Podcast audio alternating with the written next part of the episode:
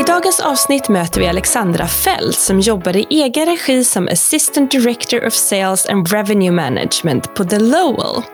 Ett av New Yorks lyxigaste hotell som även utsätts till världens bästa hotell flera år i rad.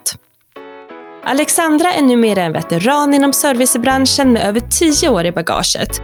Och även om New York aldrig kommer sluta att locka turister så har turistnäringen verkligen tagit en hård smäll under coronapandemin. Hur kommer vi resa i framtiden och kommer New York återhämta sig som turistdestination?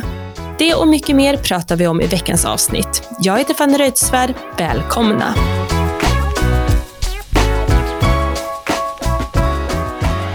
Hej och välkommen hit Alexandra Fält. Det är jättekul att prata med dig idag. Tack så mycket och tack för att jag får vara med. Jättekul. Ja men det är så roligt och jag, jag, jag, bara drar en liten bakgrundshistoria här för vi spelar ju in nu för andra gången. För vi hade lite problem med uppkopplingen första gången och det är så det kan bli ibland. Eh, och kan inte du berätta var du sitter? För i mina öron så är, är, är det väldigt exotiskt där du är just nu. ja, alltså jag sitter alltså på en liten ö som heter Klädesholmen på, eh, på västkusten i Sverige. Eh, så väldigt annorlunda från stora New York. Eh, och det ligger utanför Tjörn. Ehm, det är jätte, jättevackert. Det är ungefär 300 personer som bor här året runt. Så eh, kan se havet här utanför mitt lilla hus. Så det är verkligen ja, det är exotiskt. Det är som ett litet, ett litet paradis kan man säga. Eh, så härligt. Det är precis vad man längtar efter när man bor i en storstad och ser lite natur, lite hav, lite, inte massa människor. Det ser jättevackert ut. Ehm, du är ju veteran inom eh, servicebranschen eh, måste man ju ändå säga och du har jobbat på The Lowell i över tio år eh, där du började vet jag direkt efter din utbildning och nu är du säljchef och chef över Revenue Management i egen regi. Ehm, och vi ska komma tillbaka till det lite senare men jag tänkte om, om du bara kunde börja med att berätta lite om, om dig själv, vad du gör och hur du kom till New York. Ja, absolut. Eh, så jag är egentligen eh, uppvuxen inom eh, en hotellfamilj i Sverige. Ehm, och har väl egentligen alltid varit omringad av att hosta. Ehm, jag har jobbat inom restaurang i Sverige och vi reste runt mycket med familjen på olika hotell. Främst inom Sverige men även utomlands. Eh, och jag hade väl egentligen inte sett mig jobba inom denna branschen men sökte mig eh, till slut till en skola i Schweiz när jag förstod att jag tycker att det är otroligt roligt att hosta eh, och det här med hotellvärlden och människorna i denna världen är extremt intressant. Så att jag tog mig ner till Schweiz 2007 och pluggade International Hospitality and Tourism Management.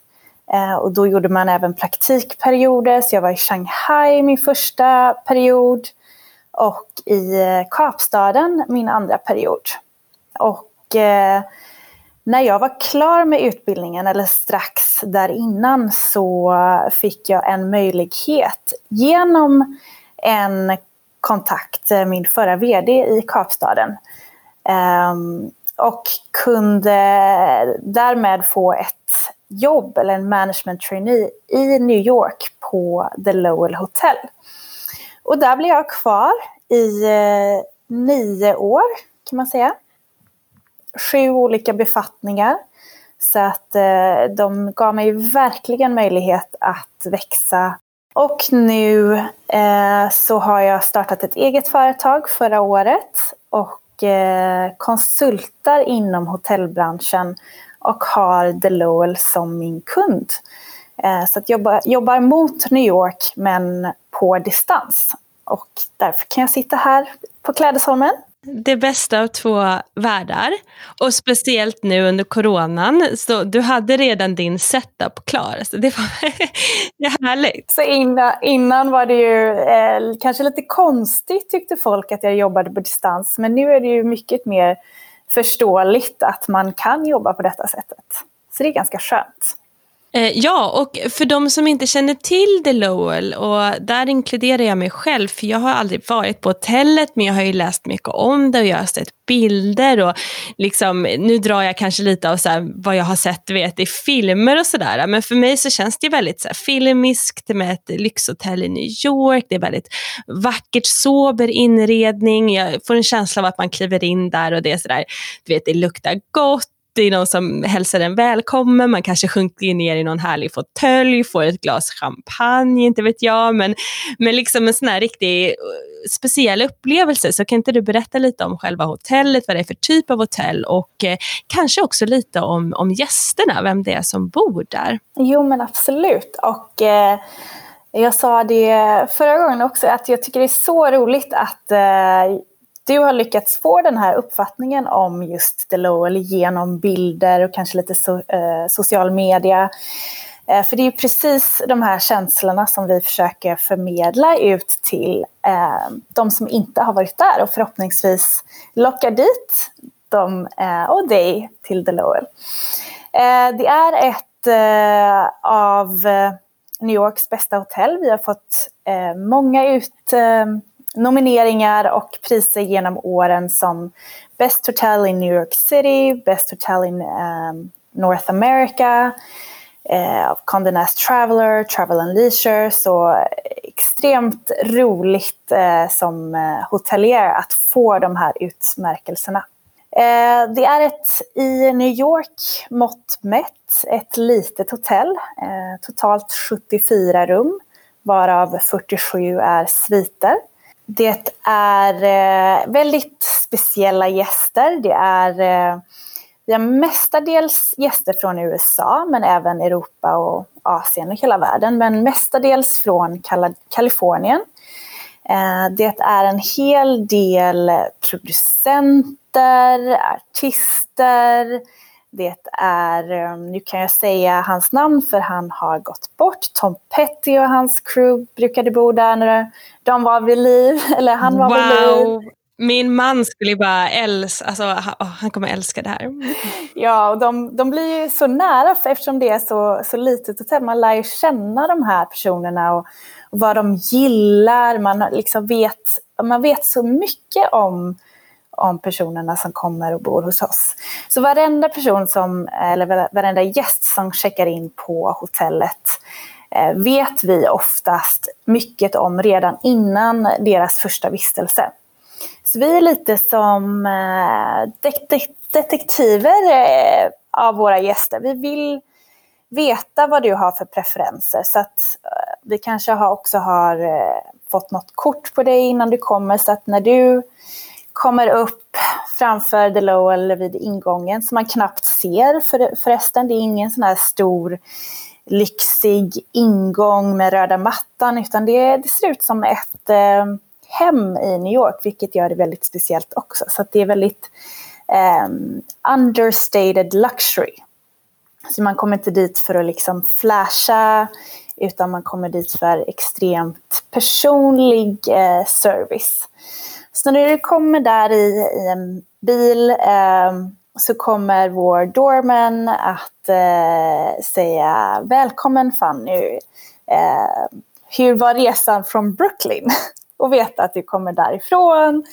Eh, du kanske inte är så trött då, så vi kanske inte erbjuder dig en kopp te, utan du kanske vill ha det här glaset champagne, antingen i vårt lilla clubroom där man kan se lite andra gäster, eller så skickar vi upp det till rummet eh, där du kan avnjuta det framför en eh, woodburning fireplace eh, eller på terrassen. Så ja, det är väldigt personlig service.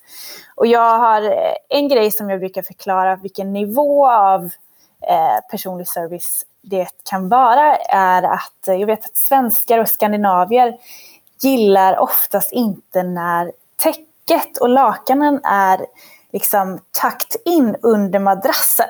Känner jag vet precis vad du menar. Ja, jag typ sitter och skrattar här borta. Jag, förstår, jag har aldrig förstått det. det Nej, är så och det är väldigt amerikanskt att man bäddar på detta viset. Och och eh, oss skandinavier, vi känner oss oftast lite som ett fängelse när man går och lägger sig och känner att ah, man kan inte röra på fötterna.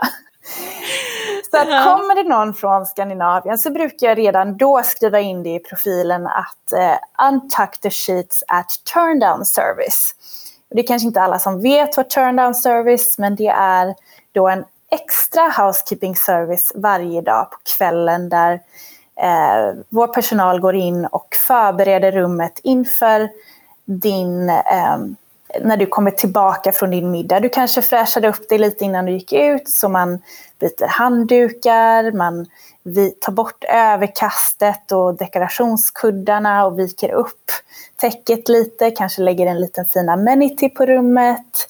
Eh, och ja, städa till det lite, bara tidy up. Eh, wow, alltså då... jag tycker det här är fantastiskt. ja. Jag sitter så här, jag myser här borta. Det, det bara, eh, jag tycker det här var perfekt också, för man får liksom, den här detaljen att man untuck the sheets. Ja, precis. Otroligt. Ja, men det är service det. Det är liksom en ny nivå av service. Och du kanske inte ens hade vetat att, eh, att just på The Lowell, att de lakanen skulle vara tucked in annars. Utan det är bara sådana små detaljer som du kommer, du kommer känna dig bekväm utan att du ens vet att vi har gjort någonting just för dig. Eh, vissa saker kanske du vet, om det står en flaska eh, bubbel eller om något speciellt rött vin som vi vet att du gillar eller äpplen istället för bananer. Eller, ja, det kan vara små, små, små saker som gör så stor skillnad att man känner sig som hemma. Eh, eh, fantastiskt och vilket kul detektivjobb som du sa också, att ta reda på de här sakerna om folk, vad man gillar, vad man inte gillar. Och sen så känner jag det här med un, eh, understated luxury, att det är ju så alltså trendigt känns så fel ord, men det känns som att den typen av lyx är mycket mer eftertraktat nu än den här mer så här flashiga liksom, lyxen där man ska som, man ska synas och man vill att andra ska se att man har råd med vissa saker. Det här känns ju mycket, mycket mer sympatiskt. Ja, och jag tycker det är roligt att jobba med det. Det är oftast, eh, det är oftast mer gamla pengar än nya pengar, för där kanske man har lite mer flashiga saker. Ehm, så det är oftast väldigt, väldigt trevliga gäster och inte det att de inte kan klaga, men har de någonting att klaga på så säger de ofta det i en väldigt eh, vänlig ton och man har en liten diskussion om det. Och eh, lyssnar på gästen och kan få möjlighet att ändra det utan några onödiga eh, tråkigheter däremellan. Eh, det låter underbart. Eh, och vad är nyckeln till att jobba på en och samma arbetsplats så länge? För jag förstår att det är lite ovanligt inom speciellt servicebranschen att man stannar så länge på samma hotell. Och, och du har ju ändå, som du sa, avancerat och du, jag tror att du sa att du hade sju olika positioner inom hotellet. Um, vad är det som har gjort att du har trivts och velat stanna kvar? Det är nog många olika um poäng på den frågan. Eh, en stor grej tror jag är att eh, jag från början var väldigt tydlig med min eh, VD att jag gillade en, en svensk typ av hierarki. Eh, mer eh, flat hierarchy än en traditionell amerikansk hierarki där man har stora olika nivåer på anställda. Eh, han är en, eh, från en indisk generalfamilj så han är ju väldigt van vid en annan typ av hierarki men var en gång i tiden gift med en danska. Så att han förstod verkligen min, eh, mitt sätt att tänka och jag tror därmed att eh, vi kunde förstå varandra väldigt väl från början. Och eh, från första början var jag också tydlig med att jag ville ha mycket kommunikation. Eh, jag fick eh, själv fråga om det men nästan en gång i veckan hade jag ett samtal med vår VD angående min roll, hur jag trivs, vart jag vill, har jag några svårigheter på vägen? Eh, och därmed kunde ofta han redan innan jag inte tröttnade på en roll, men kanske, han kanske såg att jag var redo för nya utmaningar om jag hade avklarat ett projekt eller till exempel så skapade jag rollen som Guest Relations Manager. Och när jag kände att jag hade implementerat detta, sett till att det fungerade, så var jag ny, eh, mogen för nya utmaningar. Så att en kombination av att eh, kommunicera, vilket jag tror är väldigt viktigt. Man kan inte sitta och vänta på att någon ska be om ett utvecklingssamtal eller eh, sitta och vänta på att någon ger en en um, promotion. Utan i New York får man verkligen ta det i egna händer, man får visa framfötterna, man får överkommunicera vad man vill. Och på den fronten också inte vara rädd att fråga andra. Jag vet att vi pratade om det här också med eh, mentorroller i livet. Och eh, det var under ett tillfälle som jag eh, från att ha varit marketing manager blev, eh, eller marketing och revenue manager till att jag blev sales and revenue manager. Och jag hade ingen erfarenhet inom sales och resandet och de kunderna som jag skulle jobba med sen innan. Och vid den tidpunkten så slutade vår VD och min närmsta chef. Så att jag hade liksom inga chefer utan rapporterade direkt till våra ägare. Eh, och visste därmed inte riktigt vad jag skulle göra. Och där tog jag kontakt med en gammal kollega och hon har varit en eh, klippa genom eh, den, speciellt den tidiga tiden inom mitt säljarbete. Men eh, till och med nu kan jag höra av mig till henne om jag vill ha tips och råd. Och, eh, så jag har lite olika mentorer i mitt liv eh, på olika ställen i världen som jag känner att jag kan höra av mig till. Mm. Det låter som att, eh, eller jag har flera saker här som, jag, som resonerar hos mig och det låter som att du har haft en väldigt tydlig inre bild av vad du vill någonstans. Och det tycker jag är så himla häftigt.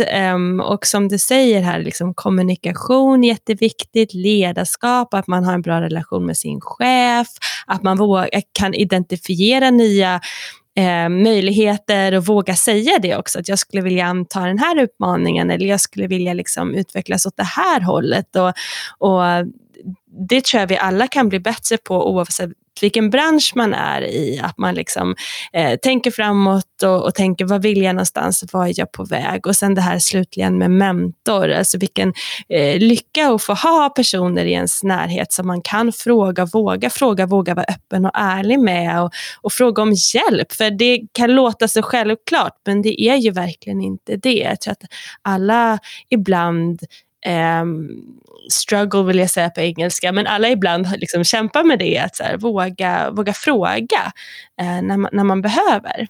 Ja, precis. Och man kan ju inte veta allting och eh, ibland kan man ju få lite andra aspekter på saker och ting och eh, man kanske kommer in på en helt annan väg om man pratar med andra och sen, sen så tycker jag ändå att man, man ska fråga men sen ska man alltid lyssna på sig själv till slut. Och där eh, kan jag säga att när jag var i min, eh, mitt stadie där jag ville eh, till slut lämna New York så var jag på väg att flytta till LA. Och hade redan fått ett jobb där, jättebra jobb och det var ett, eh, en jättebra lön, superbra bonus. Allt var bara toppen. Jag frågade om, om jag kunde ta Europamarknaden och de sa yes, yes. De sa ja till allting jag frågade om. Så det var ju bara ett sånt guldläge att sitta i. Men jag kände att nej, jag vill nog till Europa.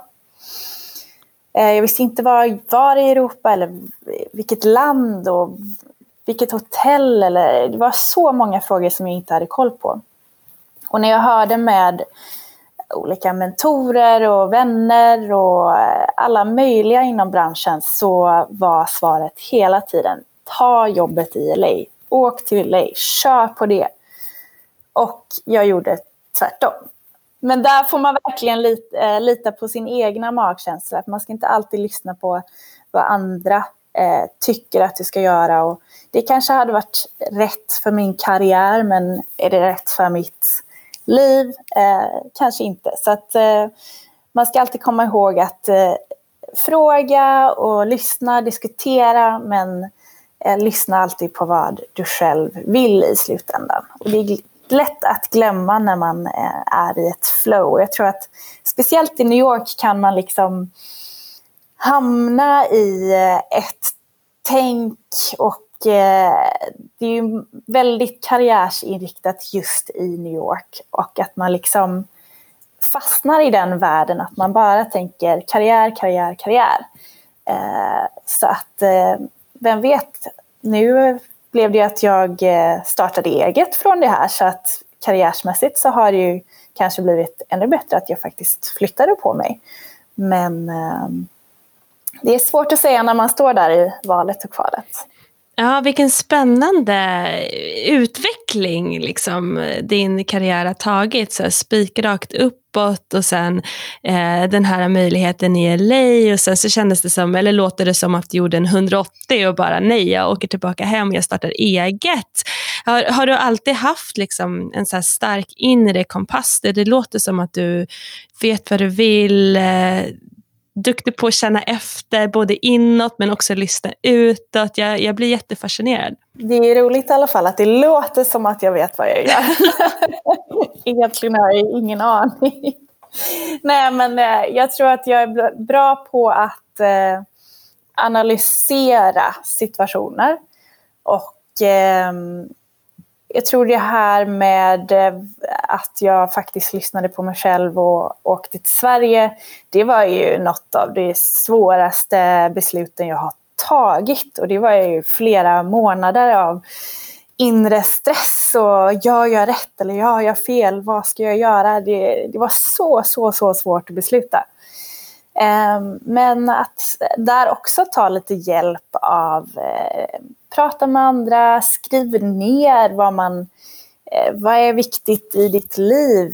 Eh, och det gjorde jag just, att jag skrev ner liksom mina topprioriteringar och hela tiden försökte gå tillbaka till de här prioriteringarna och se eh, okej, okay, med de här, var makes most sense att jag ska bo någonstans eller eh, göra för någonting för att jag kan hålla mig till mina topprioriteringar. Och sen tror jag också att ibland bara gå på sin magkänsla och eh, våga chansa. Det får bli som det blir. Eh, blir det inte bra så får jag väl flytta någon annanstans eller flytta hem. Och så känner jag väl lite med Sverige nu också. Att, hmm, om jag inte tycker om att bo här så får jag väl flytta tillbaka till USA då, eller någon annanstans. Så man ska inte ta eh, allt på för mycket allvar heller, utan man kan alltid ändra på saker och ting.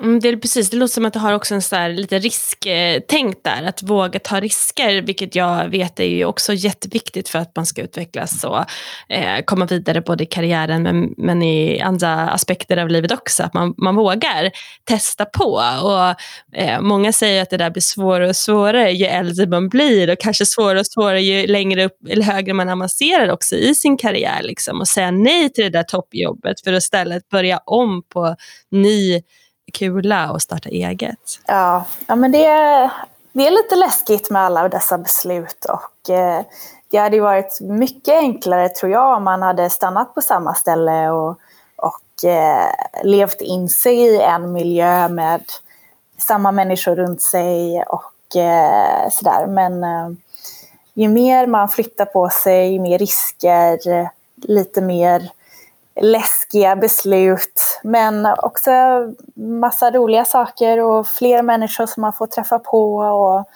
så det finns eh, plus och minus med eh, båda sidorna, men eh, jag har haft så roligt eh, along the way och eh, tror ju inte att eh, det här med att jag bor i Sverige kommer bli mina sista utmaningar eller det är bara en ny start på nya möjligheter.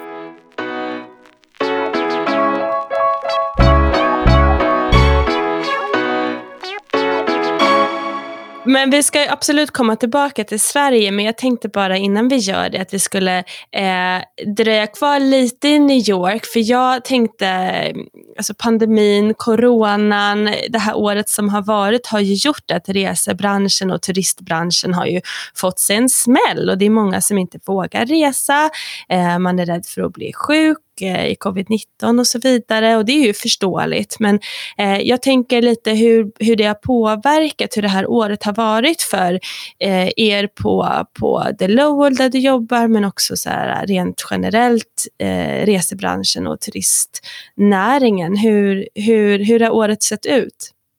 Det har ju varit ett, eh, men en otrolig utmaning för eh, ja, men i hela världen som vi alla vet. Men New York som eh, beror sig så mycket av turistnäringen. Och inom eh, luxury hotels som The Lowell ligger med i så har det varit 75 procent av alla rum, luxury rooms i hotell, har varit helt stängda. Så de flesta luxury hotels stängde ner i början av corona. Och nu har väl vissa börjat öppna igen men eh, då, då har ju liksom alla dessa jobb på eh, dessa hotellen eh, försvunnit. Vilket är extremt tragiskt. Eh, och det är ju många, speciellt i New York, som kanske jobbar inom teater eller på Broadway, eh, operan, som har eh, Eh, som är servitörer vid sidan om eller baren. Så de kanske inte har ett heltidskontrakt och därmed kanske inte kan eh, ta ut a-kassan eh, eller vad det nu heter i, i New York. Så det är ju väldigt många människor som har eh, fått det väldigt, väldigt tufft och man har inte samma skyddsnätverk i Sverige som man har, eller i, i New York som man har i Sverige. Så det, det är det mest tragiska tycker jag. The Lowell har eh, underbara ägare som eh, egentligen har detta som ett passion project. Eh, så de har inkomst från eh, andra håll och projekt. Och vi har därmed kunnat eh, hålla öppet under hela den här perioden. Under våren så fick vi, eh, ha, det var ju väldigt många restriktioner vi tog bara bokningar som var minst två veckor, eh, men oftast var det kanske tre månader eller en månad. Vi har eh, några gäster som faktiskt bor där i flera år, eh, vilket är underbara gäster att ha och stabil inkomst. Ehm, men så att de gästerna kunde vi då acceptera in till hotellet, men det var, eh, vi skannade ju alla som kom in med termometer, det gör vi fortfarande. Eh, vi har kunnat öppna upp mer och mer under hösten, eh, men kommer faktiskt eh, hela 2021 också bara ha 43 rum eh, operativa. Så att de, de andra kommer eh, vara helt nedstängda. Och vi är ju, när vi spelar in nu, det är ju november, så vi, har ju, vi börjar ju se en ny peak runt om i världen. Eh, det, det går ju lite upp och ner sådär, men, men, eh, men jag förstår att hela nästa år också kommer bli osäkert. Ja, precis. Och eh, som du vet har ju eh, restauranger inte fått servera inomhus. Eh, så att våran room service har ju helt stängt ner och en restaurang fick helt stänga ner. Vi kom på en ny lösning med vår restaurang Majorel med eh, att de skapade en liten oas på gatan utanför med blommor och växter och som en liten garden. Och eh, där har vi kunnat servera gäster under hela sommaren och hösten. Ehm, det funkar väl fortfarande till en viss mån när det är bra väder. Men nu kan man ju då servera eller ha 25% beläggning inomhus. Eh, så det är ju en, en bra grej, men de som kan eh, restaurangbranschen vet ju och hotellbranschen vet att det är inte mycket marginal i vilket fall. Så att eh, det är svåra tider att eh, kunna få en eh, verksamhet att gå runt i med så liten beläggning och fortfarande väldigt hög level of service. Eh, men vi eh, försöker vara positiva och det är det som är otroligt härligt inom denna branschen. Att det finns så många människor som är extremt positiva personer, sociala och som bryr sig om andra. Eh, och där ser man inte bara bryr sig om gäster men bryr sig om andra hotell och kanske competitors som man försöker liksom hjälpa till varandra. För man vet att vi är all in this together så att vi måste verkligen eh, vara det för att komma, komma ur det här och komma vidare. Ja, men som, som du säger, alltså vilken kreativitet som måste ha krävts av alla inblandade för att komma på nya lösningar och hur jobbar vi runt alla restriktioner och, och regelverk som ändras också lite hit och dit och fram och tillbaka. Ehm, och sen och dessutom kunna då vara hjälpsam mot andra som du säger och liksom um, we're in this together. Det är, gud, alltså jag, jag avundas inte alla som jobbar inom den här branschen.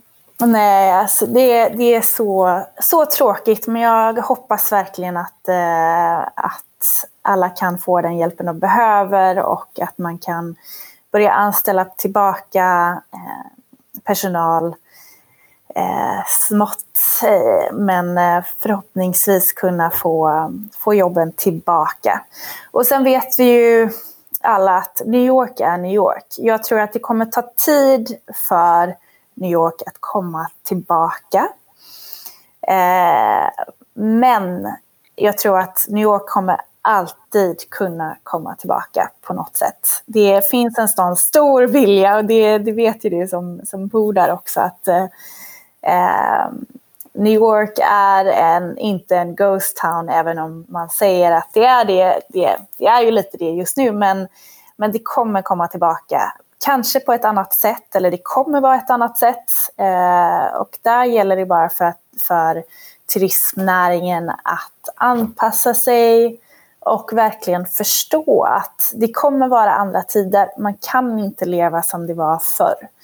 Och på vissa sätt kanske detta kommer vara positivt för att eh, just eh, hotell och restaurangbranschen kan många gånger leva in the past och så som man alltid har gjort förr. Och, eh, jag har ju sett många hotell, om man inte kanske är med i någon stor kedja som har standarder runt om i hela världen, så är det många som fortfarande har väldigt dåliga system och man jobbar med eh, fakturering på ja, ancient ways of working. Speciellt här i USA, alltså när man håller på med checkar. Och, ja. och, ja, men precis. Checkar som ska skickas med Travel Agent Commission till Ryssland. Man vet ju aldrig var den hamnar i slutändan. Eh, så att det finns ju också på, på ett sätt en möjlighet till att förnya sig själv. Att nu måste man faktiskt hitta mer eh, effektiva sätt att jobba för att spara in varenda krona där det går att spara. Men också eh, jobba mot en eh, mer hållbar, hållbart sätt i framtiden och det här med eh, ha fokus på hälsan, eh, och att undvika liknande situationer i framtiden. Mm. Jag blir så glad att du säger det, att du är positiv och optimistisk och, och påpekar det här med New Yorks liksom kämparglöd.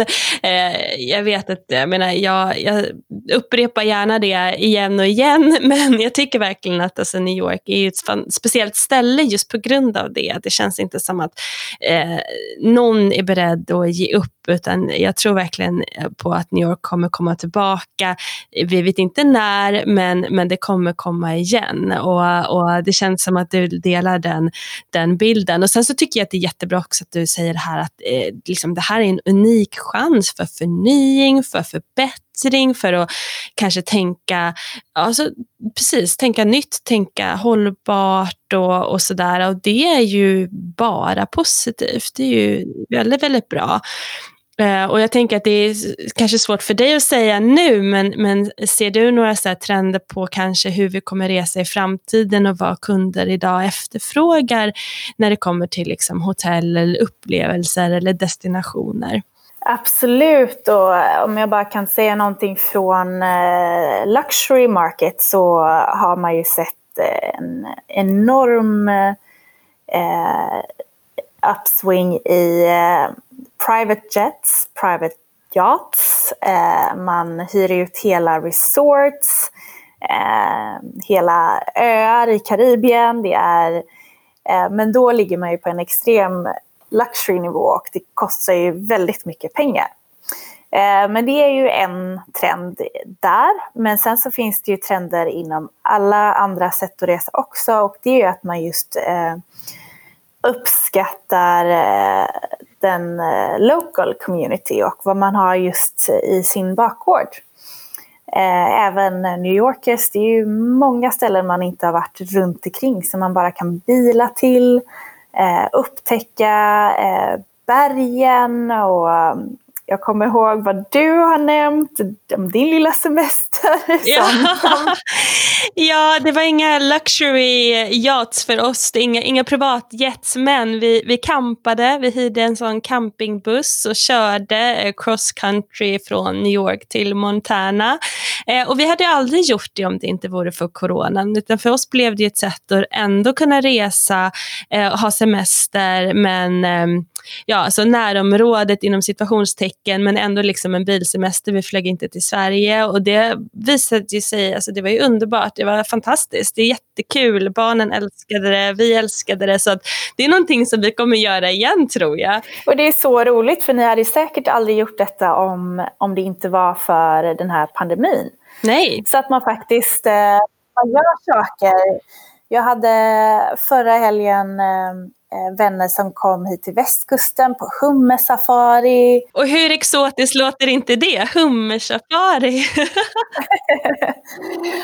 uh, ja, och det, det är sådana saker som man kanske inte har tänkt på innan utan då ska det vara kanske så långt bort som möjligt till Thailand eller eh, Afrika eller någonting som är helt underbara resor. Men man kanske sparar de resorna till en gång i decenniet. Eller eh, också lite det här med miljötänk, att man kanske inte tycker att det är så attraktivt att hoppa på ett flyg flera gånger om året eh, jättelångt för att man gör sådana otroliga miljöavtryck. Och, eh, så att eh, det kan få en god cirkel att man faktiskt försöker hålla sig mer i närområdena eller när man reser att man kanske reser under en längre period så att man slipper åka fram och tillbaka. Eh, så att man tänker både, både att man försöker upptäcka eh, vad man har i sitt närområde och eh, både de som kan erbjuda de här upplevelserna, att de får vara lite mer kreativa och nå ut till de som bor i närheten. Men också en själv, att man eh, eh, försöker leta upp informationen i sitt närområde. Och där tror jag att eftersom det kan vara en helt ny marknad för många att jobba med de som bor nära så får man ju faktiskt komma på nya sätt eh, av att kommunicera detta. Mm. Så där gäller det ju igen att hänga med och eh, jag tror att det kommer vara så många svängar i eh, hur kommunikation och social media och allt, allt vad det är, vad som kommer hända. Så att, att hela tiden vara med i svängarna, vara påläst, lyssna inte bara på vad som händer just runt omkring dig, vad händer i världen, vad är det för trender, hur kan man hänga på detta, vad man, behöver man göra inom hotell, hur städar man rummen, hur gör man jag menar, vi i Sverige, vi använder ju inte eh, face mask till exempel. Men säg att det skulle komma en amerikanare nu till Sverige. Då kanske de inte känner sig bekväma med, eh, med detta. Hur bemöter man då det när den här personen checkar in på ett hotell?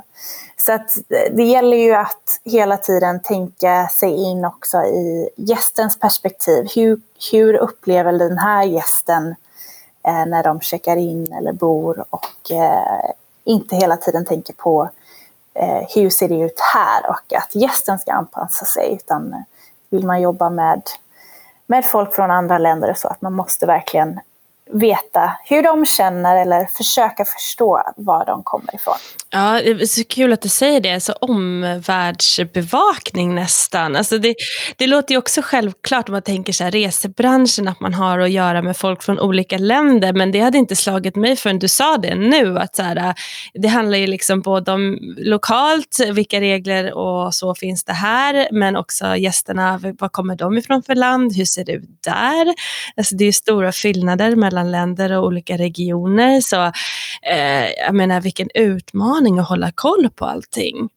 Ja, precis. Och det, det behöver ju inte bara vara till det här med att man ska känna sig trygg och eh, eh, att det ska vara rent och, och sådär, utan det kan vara saker som eh, på andra fronter inom hotell. Till exempel så har vi på The Lowell inte några bidé, bidé säger man på svenska tror jag. Mm, ja visst, bidé, ja nej det känns gammaldags. Precis, det är gammaldags men eh, asiater oftast eh, väljer bara hotell om de har eh, det, erbjuder detta på eh, badrummen. Eller en sån här ny eh, Toto eh, som eh, har alla möjliga funktioner.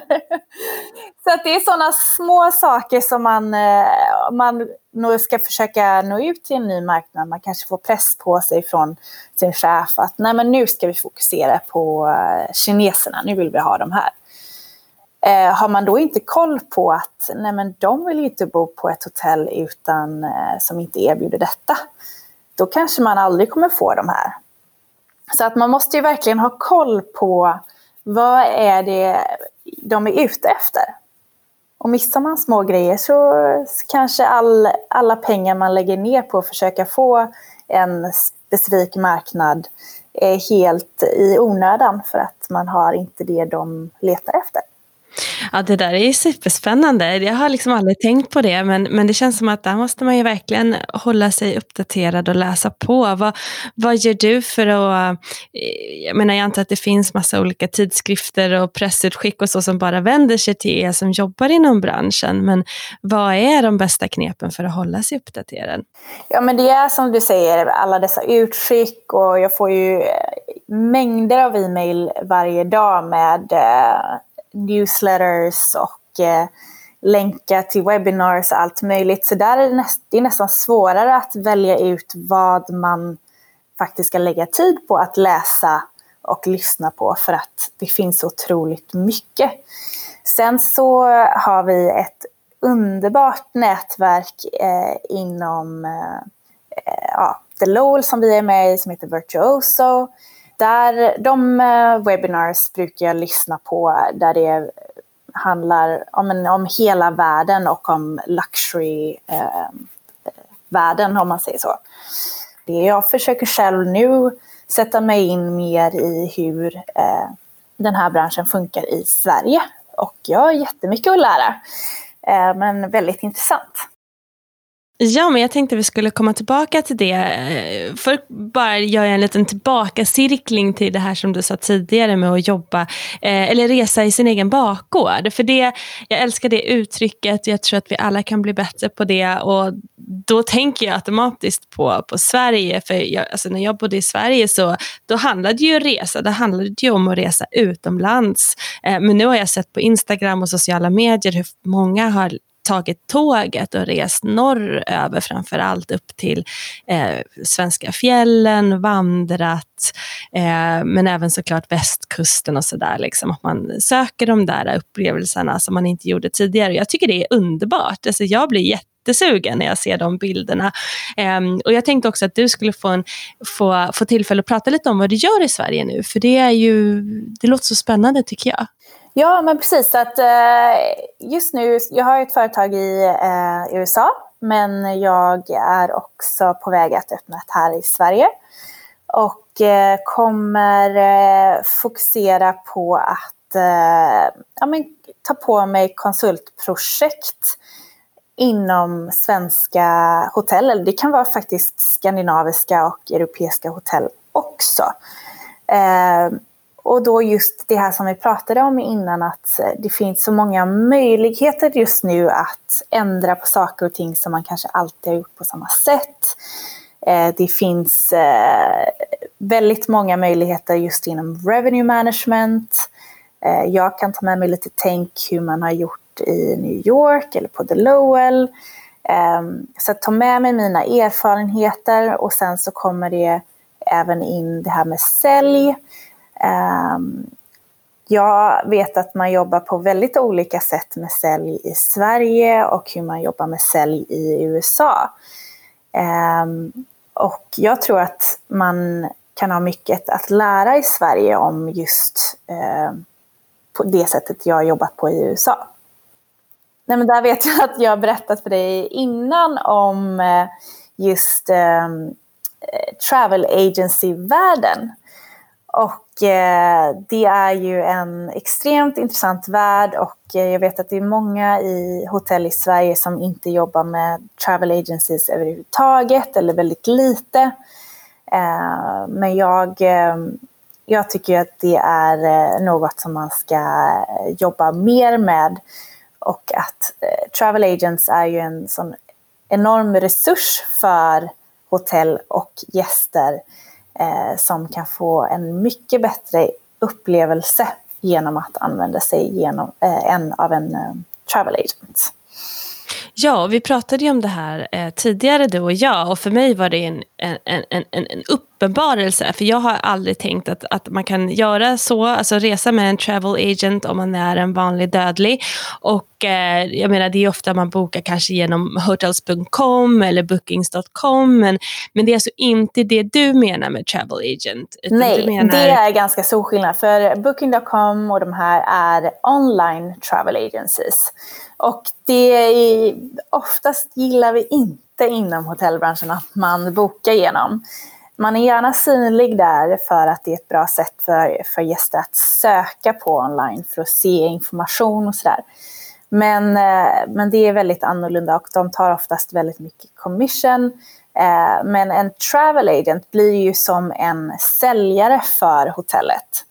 Eh, så att om jag som säljare försöker sälja in The Lowell till exempel då till en travel agent så kommer ju den här personen i sig att försöka sälja in detta till sina, sin kundbas. Så att man når ut till så extremt många fler genom att eh, prata med en sån här travel agent.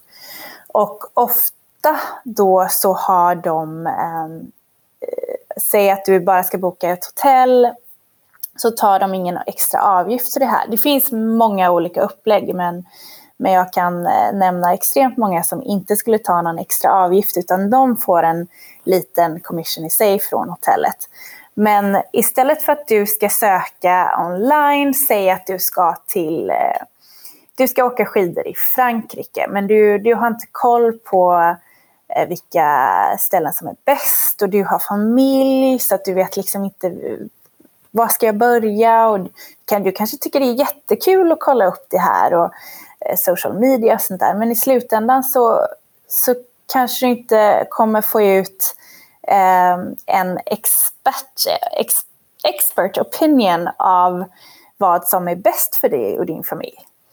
Men om du använder dig av en expert som antingen själv har varit och kollat in alla olika ställen där man kan åka skidor i Frankrike, har testat de olika hotellen och just eh, eh, reflekterat på vad är bra för familj, vad är bra för ett par, eh, behöver du kök, eh, vad, vad, vad, behöver du och vad finns? Och vilken prisklass vill du vara i? Och vad kan du då få ut av den prisklassen? Så det är som, som att använda sig av en mäklare när du försöker hitta en lägenhet. Eh, du skulle inte gå och köpa en lägenhet utan att ha en mäklare inblandad. Eh, lägger man massa pengar på en resa, eh, även om den kanske inte är, eh, kostar jättemycket pengar, så vill du fortfarande kanske eh, se till att du får någon som, som vet att du kommer få det bra. Du vill inte hamna på ett hotellrum där det inte är barnanpassat eller inte har mikrovågsugn eller eh, sådär. Så att, eh, det, finns, eh, det finns många olika sätt att förklara varför man kan använda sig av eh, någon eh, travel agent. Men eh, det skulle kunna vara ett helt poddavsnitt i sig. ja, jag känner också det. Jag bara, men det finns ju hur mycket att prata om som helst inom den här världen. Jag bara känner hur dörr på dörr på dörr öppnar sig. Men jag tyckte det var jättebra när du sa mäklare, för det gör det ju väldigt tydligt tror jag fördelen med att använda en travel agent. För man lägger ju ner ganska mycket pengar på en resa, speciellt om man reser med en familj. Så det, det blir snabbt mycket, mycket pengar. Så då, då förstår man verkligen också så här, varför inte då se till att det blir lyckat och blir riktigt bra. Och använder du dig av samma eh, person eller samma team varje gång du bokar så kommer ju de liksom lära känna dig och hur gamla barnen är. Och, eh, de i sig kanske till och med känner säljteamet eller de som äger hotellet du ska till. Och då kommer oftast du få ett mycket bättre bemötande än om du hade eh, bokat på en online travel agency som man kanske då inte föredrar eh, i hotellvärlden. Men eh, det finns så många olika sätt och eh, det finns väl väldigt många inom hotellbranschen också som skulle ha olika åsikter på det här. Men jag tycker att man ska se eh, från hotellvärlden eh, travel agent som, eh, som en resurs eh, för att man får säljare runt om i hela världen som kommer eh, men ge en eh, också se till att man inte skickar fel gäst till hotellet. För att eh, vi säger det många gånger, The Lowell är inte för alla, men man vill ju få dit rätt gäst. Är det någon som vill komma in på röda mattan och ha eh, flashig lobby och allt vad det är, då ska de inte komma till Deloel. Men då vill ju vi att vår travel agent har koll på detta eh, så att vi får rätt gäster med rätt expectations. Blir man inte sugen på att resa nu? Alltså, ja, jag är så sugen. Ja, men detta i kombination med att vi alla mer eller mindre har suttit hemma sedan i mars. Det gör ju bara att det kryper i, i fingrarna för googla med en gång vill jag göra. Travel agents och eh, härliga destinationer runt om i världen. Så mysigt. Um, men kan inte du, jag menar den här världen, det känns som att vi skulle kunna prata väldigt länge om den här världen, men är det någonting sånt där rent konkret som du tycker att man ska göra om man är sugen på en karriär inom hotell och, och restaurang och service? Um, vi pratade ju i början där, där om att hitta en bra chef och, och liksom redan tidigt vara tydlig med vad man vill och, och leta efter rätt utmaningar och kanske till och med ha en mentor och, och sådär. Men finns det någonting annat som har hjälpt dig när du var ny och, och fick ditt jobb? Absolut, om man tar tillbaka ett steg så ska man väl först också tänka att är, är det rätt bransch för mig? Man ska ju verkligen brinna för, eh, för att göra andra glada, hosta.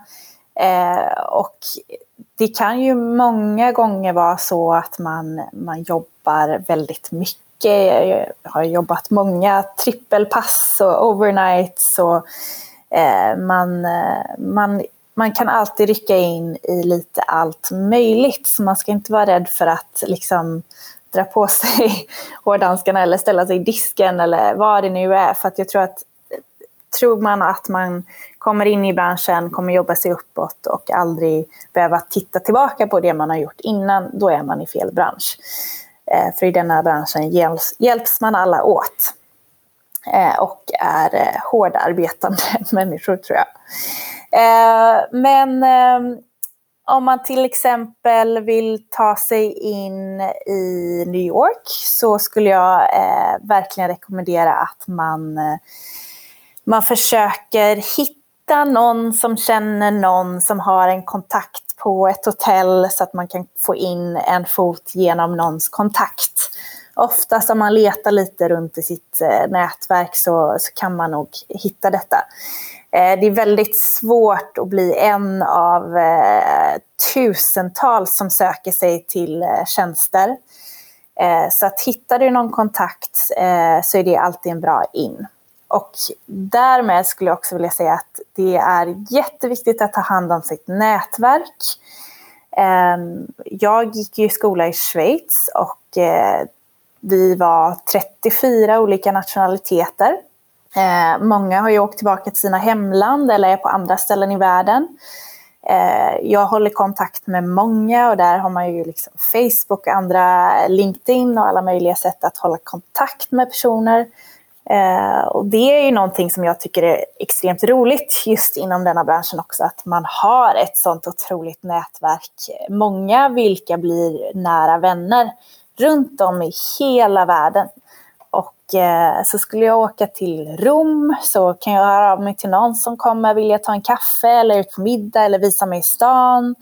Eller åker jag till eh, Eh, Kina eller vad det nu är så kommer man ha någon kontakt. Så det är också ett väldigt roligt sätt att upptäcka världen på och liksom lära känna alla dessa olika människor som finns.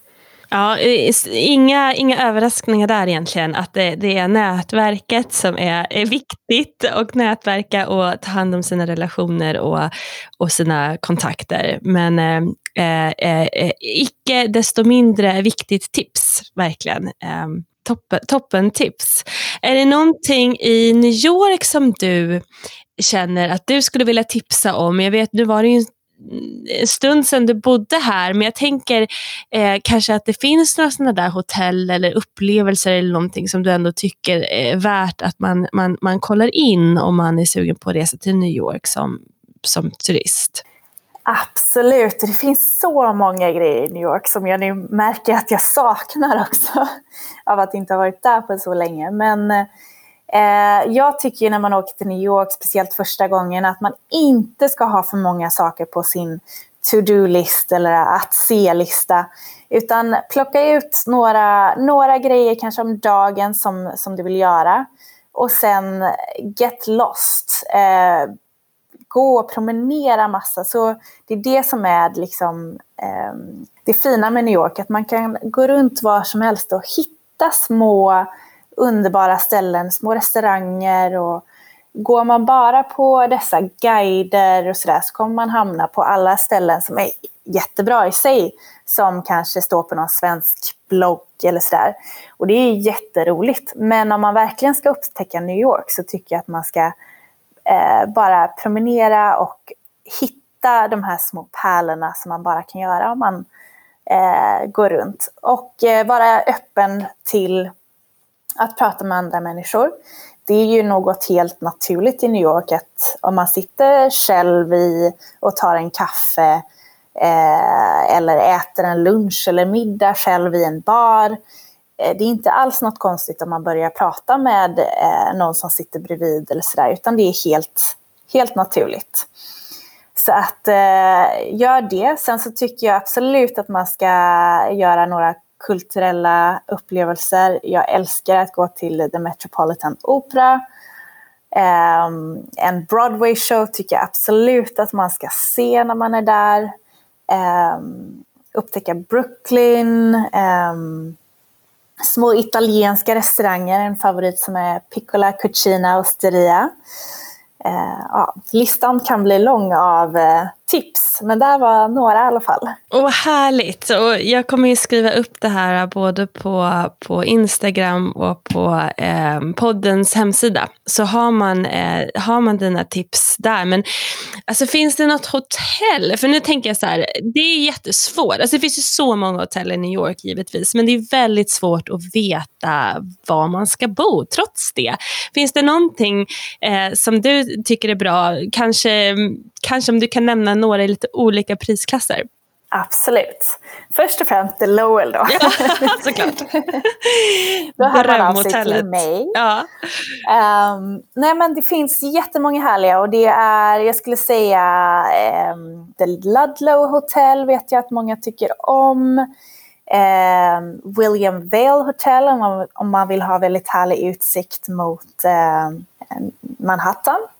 Eh, och även eh, i närheten där The One Hotel i, vid Brooklyn Bridge tycker jag är härligt.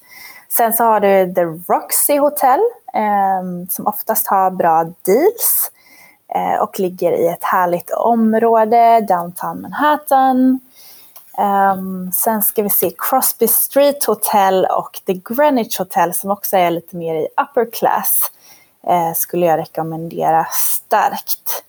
Eh, och om man inte bor där så kan man gå och äta på The The Greenwich Hotels eh, restaurang Locanda Verde, vilken är, är en favoritrestaurang eh, som jag har. Ehm, men där var nog några i lite olika klasser tror jag. Eh, sen så finns det såklart många, många fler. Nu har jag inte riktigt koll på vilka som har öppet just nu. Eh, men sen också rekommenderar då att eh, men, eh, kolla upp en travel agent eller hör av er till, till mig så kan jag alltid rekommendera eller eh, rekommendera någon travel agent eller hotell som ni kan söka upp. Ja, alltså återigen, jag blir så sugen och jag blir så sugen på att vara turist i min egen stad. Alltså det är, um, gud vad härligt. Men finns det någon travel agent, för det där tror jag ändå kan vara lite så knepigt, att man tänker så här, men vad, hur hittar man en sån? Finns det några som är sådär bra som man kan googla som du har top of mind? Ja, absolut. Eh, jag tycker att man kan kolla på virtuoso.com och de har också ganska bra eh, utlägg om just varför man, man kan använda sig av en travel agent. Eh, en agency som jag tycker är väldigt bra, och väldigt framåt, är Smartflyer eh, som man kan kika på. Ehm, vi har också några underbara travel agencies i Sverige. Eh, då har du Travel Beyond i Stockholm och Select Travel, Kiwi Collection, eh, ehm, som inte är svenskt längre kommer jag på. Men eh, det finns några härliga eh, och har man ett eh, Amex Centurium eller Platinum så har man också användning av Fine Hotels and Resorts eh, och då ska man absolut använda sig av eh, eh, de ehm, då har man eh, travel agency som ingår i, i det kortet. Um, sen som sagt, uh, vissa kan ta en avgift, vissa gör det inte. Um, så att man får liksom uh, göra lite research för att hitta rätt. Uh, och kanske läsa på lite själv så att man ser till att man, man får det som passar en själv. Sen är det budget budget, då, då kan man kanske fortfarande kolla online och göra sin egen research. Men då kanske man också får vara okej okay med om att man kanske inte alltid kommer hitta rätt och det kanske inte alltid kommer bli som man har tänkt sig. Det är, det är en risk man får ta. Eh, och om man nu vill kontakta dig eh, för om man har mer frågor, om man vill ha hjälp med att resa, resefrågor, var vad, vad, kan man, vad hittar man dig då någonstans? Absolut. Då kan man skriva mail till mig på alexandra.axia.se. Så det är A-X-I-A. Eh, eller hitta mig på eh, LinkedIn, Alexandra Fält, eller på sociala medier på Instagram och Facebook. Och Instagram är då alexandra.falt.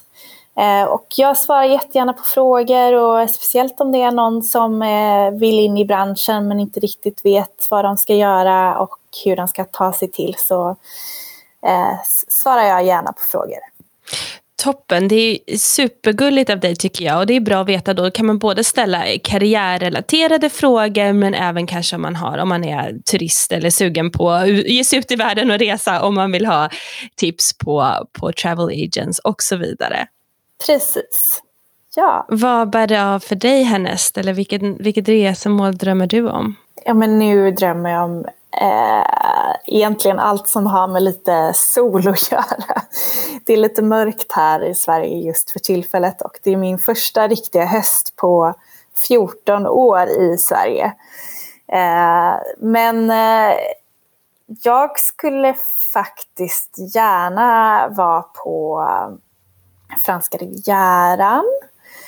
Eller faktiskt, som jag inte skulle tänka mig att jag skulle vilja till just nu, men Miami för att eh, umgås med lite vänner där och eh, den, den miljön där skulle jag vilja vara i.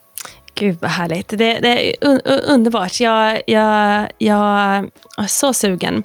Eh, tack så jättemycket. Det känns verkligen som att vi skulle kunna fortsätta prata i timmar. Men eh, det kanske får bli en uppföljningspodd. Eh, Precis. Ja, vem vet. Tack så jättemycket för att du var med. Så kul. Ja, tack för att jag fick vara med. Otroligt roligt.